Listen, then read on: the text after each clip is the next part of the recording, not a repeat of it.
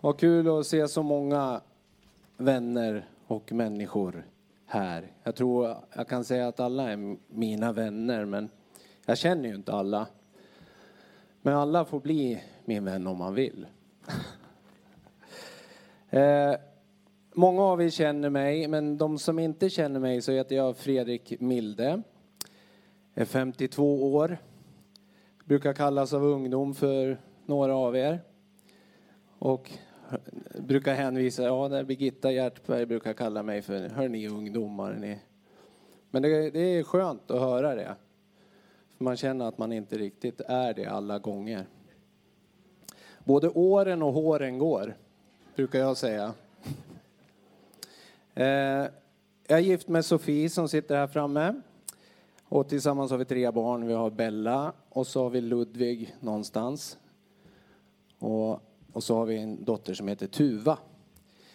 Eh, och Sofie och jag vi brukar hjälpa till här i kyrkan med att hälsa folk välkomna. En del av er, av er har vi ju verkligen skakat i handen på. Och det känns skönt efter covid att vi får ta tag i varandra och hälsa varandra välkommen. Men eh, varje vecka så ser vi också nya människor som kommer till församlingen. Eh, Kanske är nyfikna på vad, vilka vi är och vad vi tror på. Kanske fundera på vad gör de här inne egentligen? Eh, man kanske har flyttat hit för man pluggar på högskolan eller man kanske till och med har fått tvingas fly hit av olika anledningar. Och för en månad sedan så lärde jag känna en familj som kom hit och en familj som också har kommit hit från Ukraina. Det är familjen Fedoljak. Vi har Ivan, Ivan och eh, Olena. Jura och så har de en son som heter Edik. Som har kommit hit. Nu ska jag vara så ofin så att jag hämtar min mobil. För jag glömde en grej, rent praktiskt tror jag. Det är nämligen så att, ja tack vatten också, det, vilken service. Ja, ja, jag tror jag får låta mobilen vara. Det där med Facebook, man vill ju alltid kolla av. Nej, jag skojar. Nej, men så här är det. När de kom hit till församlingen för en månad sedan så hälsade vi välkommen. Och jag märkte ju ganska snabbt att vi inte förstod varann så lätt. Jag provade med engelska och engelska kan Olena och Jura kan förstå engelska men inte Ivan och Edik så mycket. Och då visade Olena mig en app som heter Say Hi. Jag vet inte om vi har någon bild på det, men det spelar ingen roll. Den heter Say Hi och då laddade jag ner den och så kunde jag skriva in vilket språk jag använder, det är ju svenska. Och så skrev jag in Ukraina och så talar jag in, finns en mikrofon och så pratar jag in vad jag vill säga till dem och så översätter den här appen till ukrainska. Och på så sätt kan vi sitta och kommunicera. Så jag vill bara uppmuntra er att ladda ner den här appen och lära känna den här fantastiska familjen.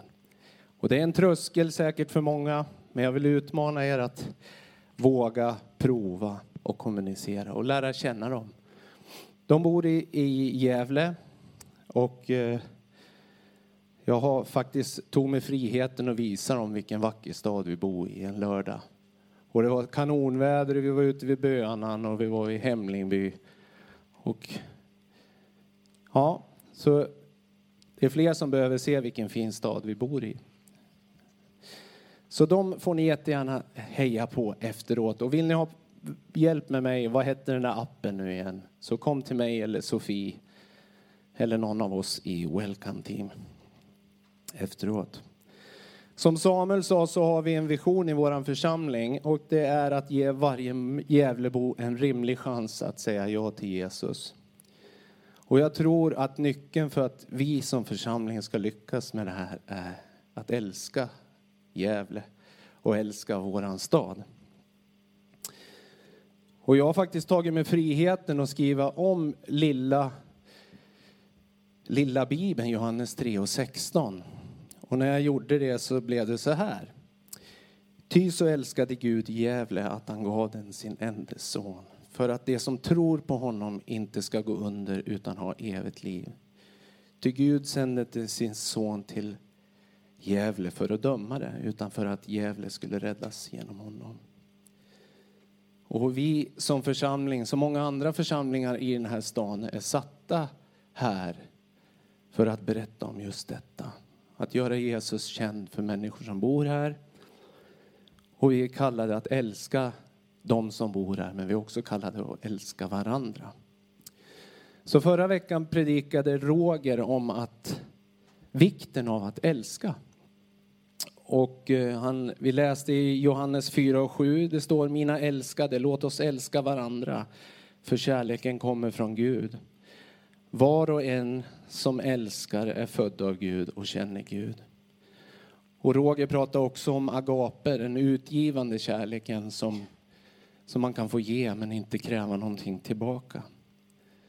Och Roger gav ett exempel på hur en församling hade tvättat bilar och betjänat staden med att eh, liksom göra detta gratis för människor. Och vi älskar därför han först har älskat oss. Och jag känner personligen en otroligt stor tacksamhet för min livsresa i den här församlingen. Jag fick förmånen för snart ett år sedan, tror jag det var, att vara på en dagledig träff och snacka med er äldre. Eh, och eh, jag fick där tacka er för de förebilder ni har varit i mitt liv under min uppväxt. Och jag talade också om vikten av att vi behöver varandra. Ibland så hör jag äldre som säger att ja, men nu har jag gjort mitt, nu, jag, nu lämnar jag över till den yngre generationen. Och jag tror inte det är riktigt rätt, utan vi, vi behöver varandra oavsett åldrar. Uppdragen som vi gör för att tjäna Gud kan variera beroende på hur mycket ork man har. Men vi kan alla göra någonting och hjälpas åt. Eh, förra helgen var jag och åkte stafettvasan. Jag har ju trappat ner på sträckan. Förut åkte jag hela, men nu blev det en bit bara. Men jag har blivit utmanad nästa år av min, en av mina döttrar som sitter här. Att åka hela. Så vi får väl se hur det blir. Men jag åkte då förbi Sälja bygdegård som ligger utanför Sätra, eller Mora. Ja, det är ju utanför Sätra också i och för sig.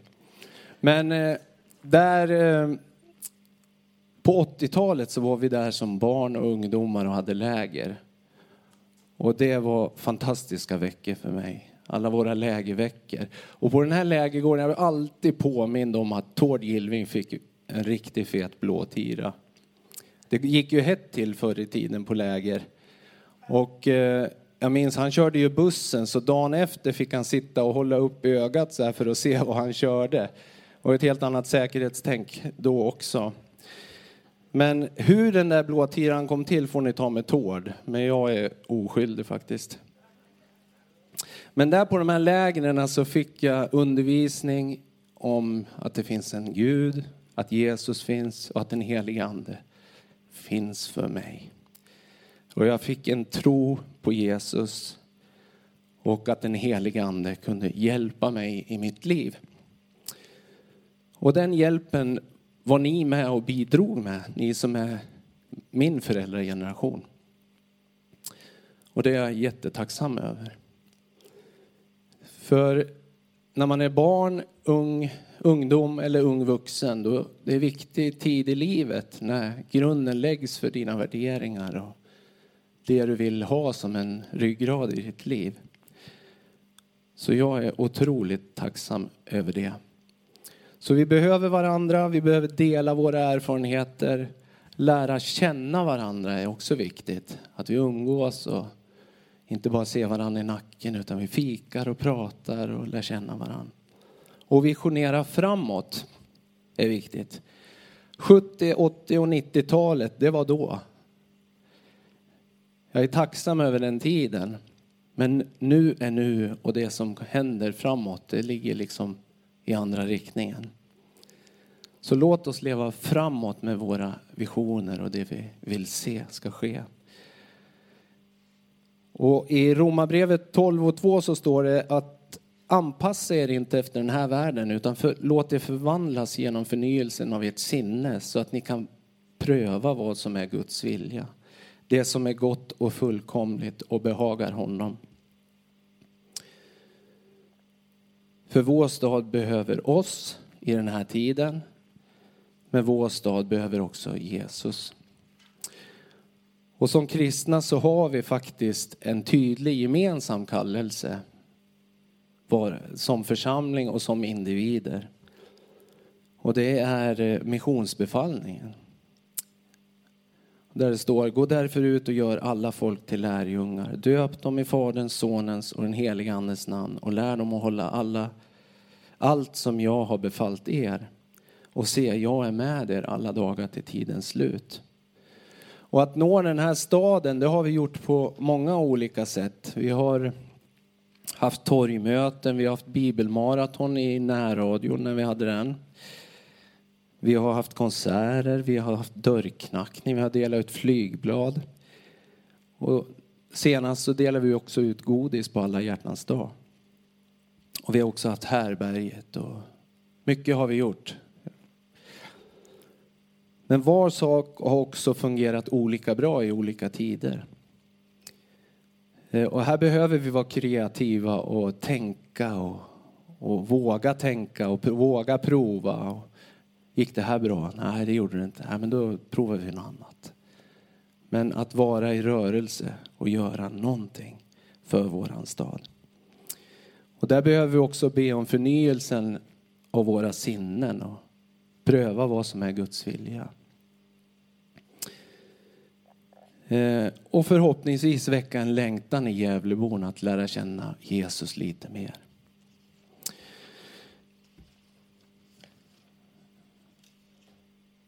I missionsbefallningen så finns det också fyra verb som blir som en process i uppdraget. Det är gå och gör och lär. Nej, gå, gör, döp och lär. Att gå utanför kyrkan med dina värderingar och ditt sätt att se på livet tillsammans med Jesus. Det sticker ut faktiskt idag när vi lever ut den här agapekärleken, när vi gör tjänster åt andra människor och kanske inte kräver någon, eller att vi inte kräver någonting tillbaka. Att älska och betjäna människor. Det märks när vi gör det. Och det är någon gammal man som levde för länge, länge, länge sedan som sa evangelisera så mycket ni bara kan och om det behövs, använd ord. Så att med ditt sätt att vara och det sättet du är, liksom, när du har Jesus med dig i livet, så kommer det märkas. Att vara medveten om det när man går ut i vardagen. Sen gör vad är ett annat värld, Människor kommer bli nyfikna och kommer komma och vi ska göra människor till lärjungar till hans efterföljare. Och jag tänker mig, när du och jag får frågan varför tror du på Gud? Då kan man ibland bli lite ställd för det kan komma när som helst. Men jag skulle också uppmuntra var och en att liksom tänka igenom vad skulle jag svara på en sån fråga så man alltid är förberedd. Därför tror jag på Gud. Och så berättar man en del, sin story. Eh, och hur får vi människor in i vår gemenskap? Vi kan bjuda med dem visst till gudstjänst, men vi kan också umgås i våra hem, i våra hemgrupper. Man kanske kan ta med någon till Alfa och gå en kurs och få lära sig lite mer. Och när en människa väl väljer att följa Jesus i sitt liv, då är också dopet viktigt. Att vi får lämna ett liv som vi har levt, för nu vill jag leva ett liv tillsammans med Jesus. Och visa det med dopet. Och vi brukar ju säga det i kyrkan att när man blir frälst då blir man född på nytt. Och det är ju som att börja leva ett helt nytt liv på ett sätt. Och, då behöver en ny frälst, en ny människa som har kommit till tro, behöver hjälp, stöttning, vägledning. Behöver lära sig grunna grunderna i den kristna tron och få en sund och trygg tryggt sätt att växa in i livet med Jesus. Och jag tycker personligen, jag gick ju Alfa med Lasse. Ja. Och eh, Alfa är en fantastisk kurs. Det är högt i tak, alla frågor får ställas och eh, man får komma precis som man är. Och får köpa det eller inte. Man behöver, det är inget krav på någonting. Men det är gemenskap där man pratar om kristen grund, vad den står på.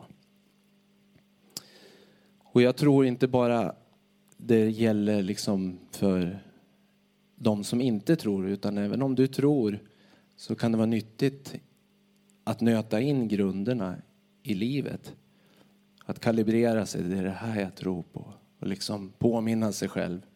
För livet rullar på och så behöver vi påminna oss hela tiden om grunderna också.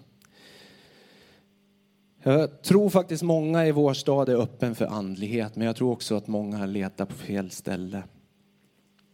Det står i Apostlagärningarna 4 och 12 som är en minnesvers som jag fick när jag var barn. Och den har suttit med mig hela livet. Där står det, hos ingen annan finns frälsningen och under himlen finns inget annat namn som människor fått genom vilket vi blir frälsta. Och Jesus han säger att jag är med er alla dagar till livets slut.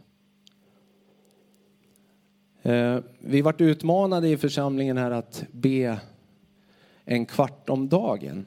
Man fick skriva upp sig och jag och Sofie har tagit för vana att när vi sätter oss i bilen på morgonen då ber vi en bön för dagen. Jag ska vara ärlig, det kanske inte är en kvart alla gånger. Men vi ber för dagen att vi ska få vara använda av Gud där vi går fram. Med dem vi möter, för vi är som ni, som du och jag, vi är vanliga människor som vill leva livet med Gud. Ehm, och när vi har det livet, då har vi också Guds ande i oss. Johanna, du predikade för ett par söndagar sedan och då nämnde du om att nu lever inte längre jag utan nu lever Jesus i mig.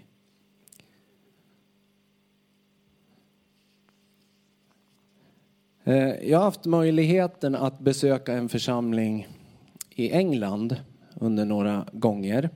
Och det här var en församling som under mitten av 90-talet var ungefär 300 medlemmar.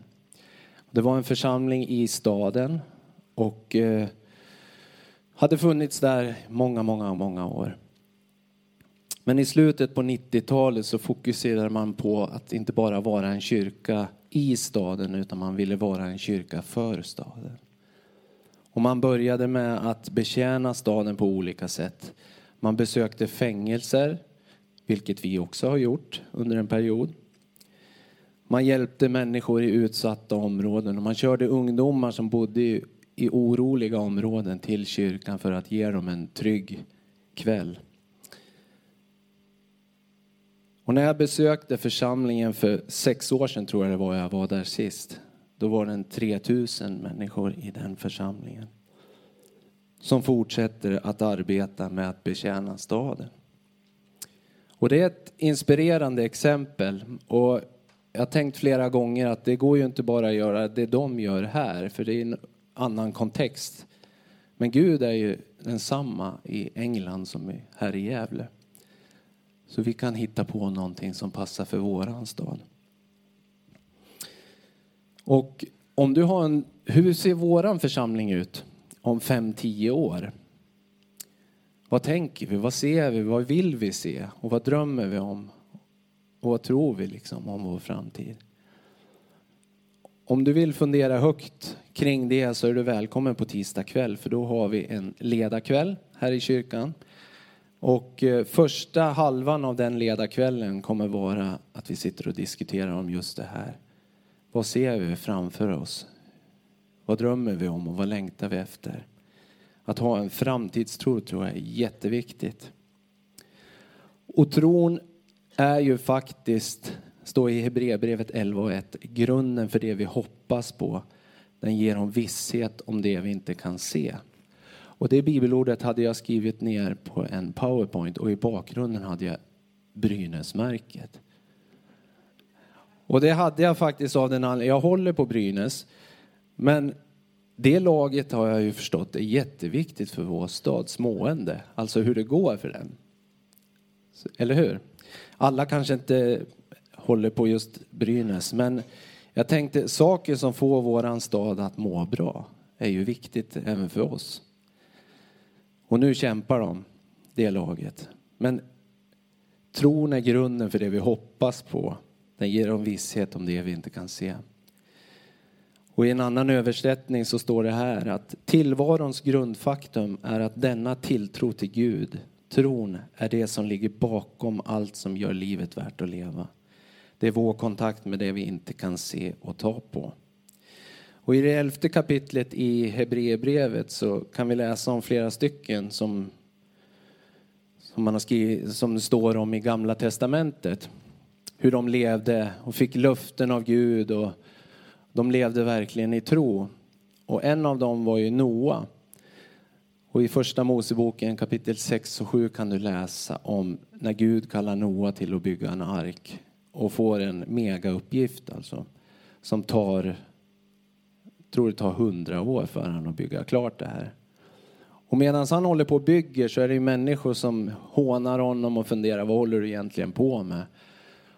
Och är det inte riktigt klokt? Det finns ju inget vatten här och vad är det där förresten? Visste de ens vad en båt var liksom?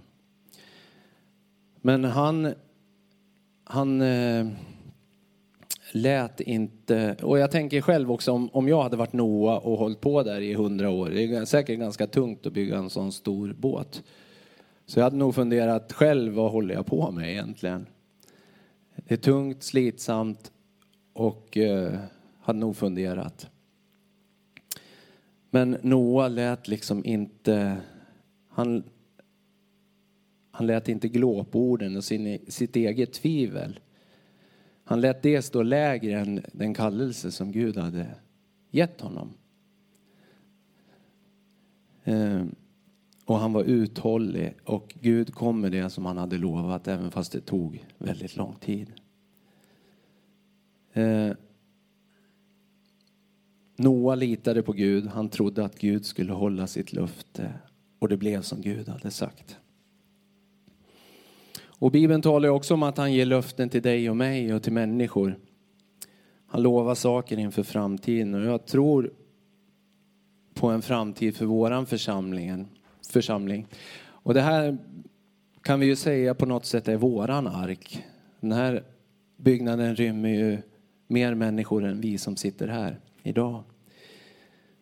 Och vi är ju i en process där vi funderar mycket kring hur ska vi göra om den här för, lokalerna för att betjäna våran stad på allra bästa sätt. Och det är människor som sitter i grupper och funderar, håller på med ritningar och vi ska be för dem att de får, att Gud får finnas med och ge dem tankar och att Gud ska få vara med när ritningarna ritas så att det blir på det sätt som han vill. Så var gärna med och be för processen. Eh.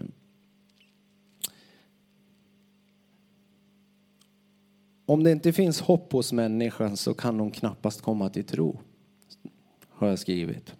Och därför behöver du och jag ge hopp till dem som känner hopplöshet. Och Guds ord, Bibeln, där står hans löften, de går ständigt före och lägger grunden för människans tro. Och tron och hoppet som riktar sig mot den osynlige guden och hans ord och hans löften. Det står i andra Korinthierbrevet 5 och 7 att vi lever i tro utan att se. Och i Romarbrevet 8, 24 och 25 så står det att i hoppet är vi räddade. Ett hopp som man ser uppfylls inte om man, ett hopp som man ser uppfyllt är inte något hopp. Vem kan hoppas på det han redan ser? Men om vi hoppas på det vi inte ser, då väntar vi uthålligt. Och en del kan ju fråga mig ibland, hur kan man tro på något som inte man kan se? Och då kan man likna det med luften. Vi ser ju inte luften, men vi kan känna av hur vinden blåser. Vi behöver den för att leva. Vi tänker inte så mycket på den för den är självklar för oss. Och så kan jag känna att det är med Gud. Han finns där men jag ser honom inte och jag kan känna honom genom den heliga ande i mitt liv.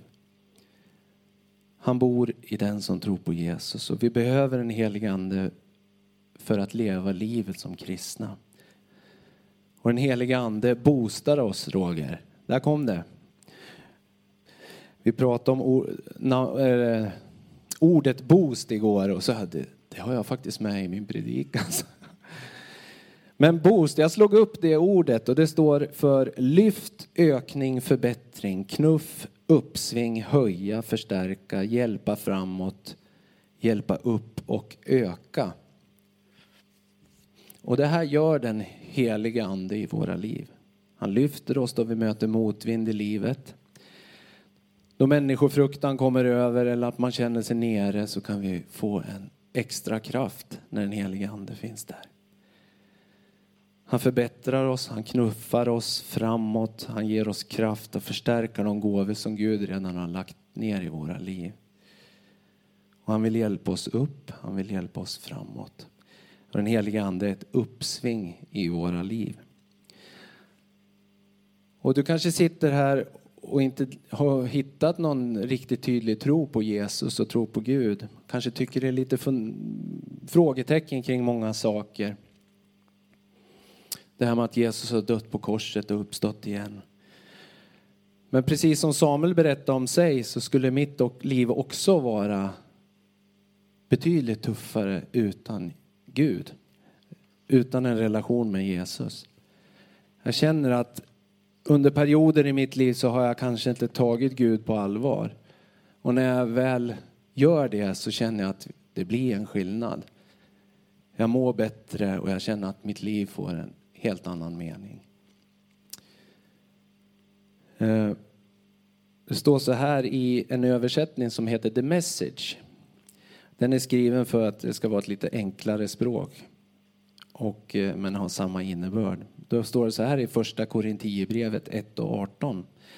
För dem som envist vägrar att vika av från vägen mot undergång låter budskapet om Messias på korset bara löjligt. Men för dem som är på väg mot räddningen faller allt på plats. Så bit för bit är min erfarenhet att han är med mig i mitt liv. Saker och ting faller på plats. Ibland så kan Sofie och jag be för saker i våra liv och vi kan be att Gud, nu får du hjälpa oss med det här. Och så kan det dröja månader, det kan dröja år. Men sen ibland kan vi bara känna, men du, nu händer det. Nu är han där. Att ha tålamod.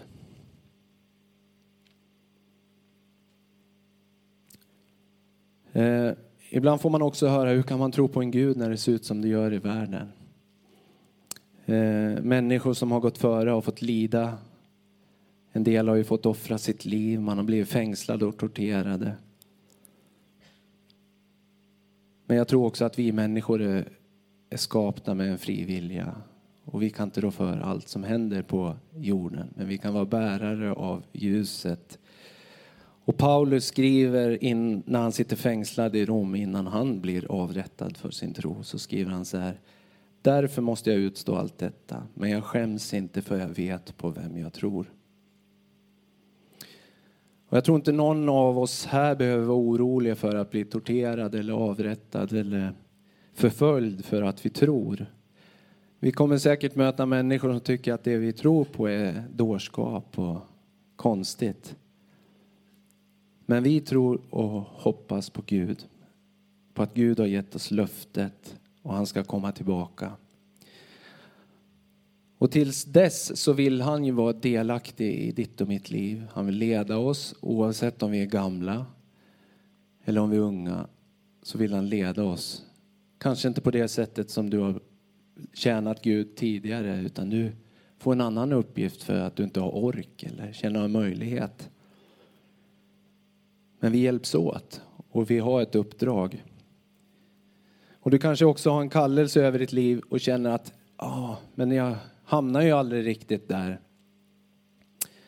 Men du och jag behöver också vara i rörelse, att gå emot vår kallelse som vi upplever. Att ha Gud i centrum i våra liv, försöka ha en relation med honom så dagligen. överlåta oss till honom och låta hans vilja få ske i våra liv. Och leva i missionsbefallningen, för det uppdraget har vi hela tiden. Och se oss själva som redskap för Guds stora räddningsplan för den här planeten. Eller för den här stan kan vi ju börja med. Vi har en helig ande som vill hjälpa oss. I Johannes 3.8 så står det så här, vinden blåser vart den vill och du hör den blåsa, men du vet inte varifrån den kommer eller var den far. Så är det med var och en som har fötts av anden. Verkningarna från vinden kan uppfattas med våra sinnen. Vi, kan, vi vet att den finns där. Vi kan inte se den, bara dess verkningar. Och det är likadant med Gud. Vi kan inte se honom, men vi kan känna honom i våra liv. Vi kan också se verkningar som Gud gör i människors liv. Och vi kan också se det i våra egna liv. Så låt oss fortsätta att vara i rörelse framåt. Dröm framåt och var medveten om uppdraget som Gud, Jesus gav oss. Till Gud, till Gud sände inte sin son för att döma Gävle utan för att Gävle skulle räddas genom honom. Och du och jag tillsammans får leva i missionsbefallningen för våran stad. Och jag tror nyckeln till det här är att just älska Gävle och älska varann. Och mitt i allt det här så säger Jesus att jag är med er alla dagar till tidens slut. Amen. Ska vi be? Tack Jesus för att du älskar oss. Tack för att vi också får älska varandra. Vi får älska våran stad. Och tack för att du har satt oss i den här församlingen bland människor och tack för de människor som vi får möta, Herre Jesus. Tack för att du är intresserad av varenda människa i våran stad som du har skapat. Jag tror att det tomrum många upplever i sitt liv, eller hopplösheten kan fyllas med din kärlek och ditt hopp. Därför ber jag att du ska låta din heliga Ande få ge oss som församling kraft till den som sitter här som behöver lyftas också, som kanske inte riktigt känner dig. Jag bara ber att du ska möta den personen och fylla den med framtidstro och hopp. För att du är våran frälsare, ingen annan. Amen.